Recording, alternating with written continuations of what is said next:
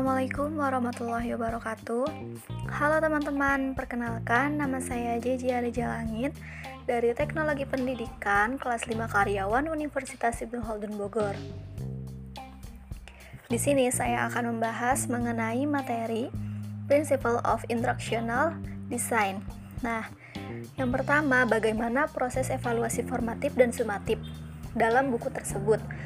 Nah, dalam buku ini menjelaskan mengenai materi logika dasar untuk mengembangkan produk dan prosedur yang dirancang dalam pelajaran hingga sistem kemudian sampai tahapan akhir proses pembelajaran pada peserta didik. Dalam buku ini, evaluasi terbagi menjadi dua bagian. Ada evaluasi formatif dan evaluasi sumatif, di mana tujuannya untuk mendukung proses pembelajaran. Evaluasi formatif dalam buku tersebut terbagi menjadi dua bagian level, yang pertama yaitu ada level 1 dan level 2 di mana level 1 merupakan reaksi pada pelajar sedangkan level 2 merupakan prestasi belajar yang real dari peserta didik tersebut. Nah, hasil evaluasi bisa terlihat dari yang diberikan guru setelah pembelajaran selesai. Sedangkan pada evaluasi sumatif masih sama terbagi menjadi dua bagian, yaitu ke dalam level 3 dan level 4. Untuk level 3 merupakan transfer pembelajaran yang tujuannya untuk memeriksa sejauh mana peserta didik menggunakan pengetahuan baru mereka di tempat kerjanya, di tempat mereka belajar seperti itu. Dan level 4 yaitu merupakan hasil akhir dari proses pembelajarannya. Misalkan apakah peserta didik sudah bisa mencapai tujuan dengan baik atau belum. Nah, selanjutnya apa saja persamaan dan perbedaan tahap evaluasi pada buku uh, Principle of Instructional Design dan bu dengan buku yang sebelumnya yaitu The Systematic Design of Instruction.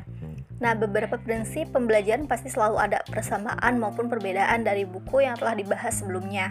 Prinsip pada buku ini di antaranya yaitu ada kedekatan, ketekunan, dan pengetahuan yang telah teruji menunjukkan beberapa kondisi di luar pengajar yang dapat dimasukkan ke dalam instruksional. Kemudian, persamaan dari kedua buku ini ada dalam tahapan evaluasinya, yaitu terdapat di kegiatan evaluasi, tinjauan ahli, pengembangan, uji coba, uji coba lapangan. Nah, dalam praktiknya ada dua kegiatan evaluasi bahan ajar yang paling sering digunakan, yaitu tinjauan ahli dan uji coba. Karena bisa untuk melakukan uji coba dan uji lapangan. Organisasi biasanya melakukan gabungan dari keduanya. Nah, kursus akan ditawarkan kepada sekelompok pelajar yang sebenarnya seperti dalam uji lapangan, tetapi dengan perhatian lebih besar dari biasanya untuk meninjau konten, metode, dan hasil seperti dalam uji coba. Kemudian selanjutnya apa saja konsep yang paling menarik pada bedah buku kali ini? Nah, tujuan pengajaran dalam buku ini mengarah lebih untuk mengatur proses pembelajaran agar terlaksana dengan baik Tindakan belajar sangat penting oleh pemateri yang diberikan sebelumnya, yang diambil dari memori pelajar.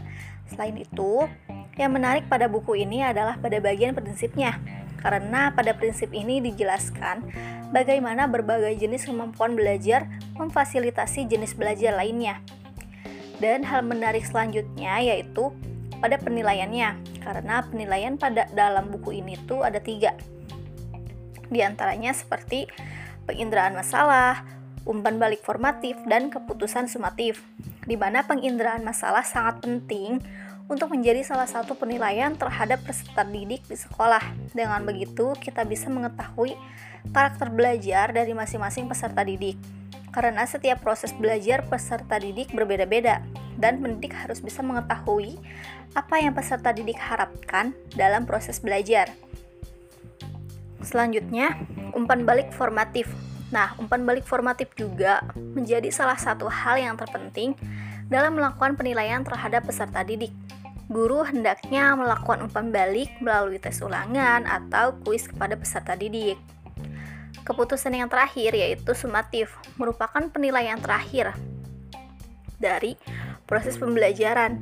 Nah, hasil, hasil sumatif merupakan hasil menentukan keberhasilan belajar dari peserta didik tersebut. Mungkin cukup sekian materi yang bisa saya sampaikan. Mohon maaf atas segala kekurangan materi yang saya sampaikan. Mohon maaf atas uh, kekurangan atau ketidakpahaman dari materi yang saya jelaskan. Terima kasih. Wassalamualaikum warahmatullahi wabarakatuh.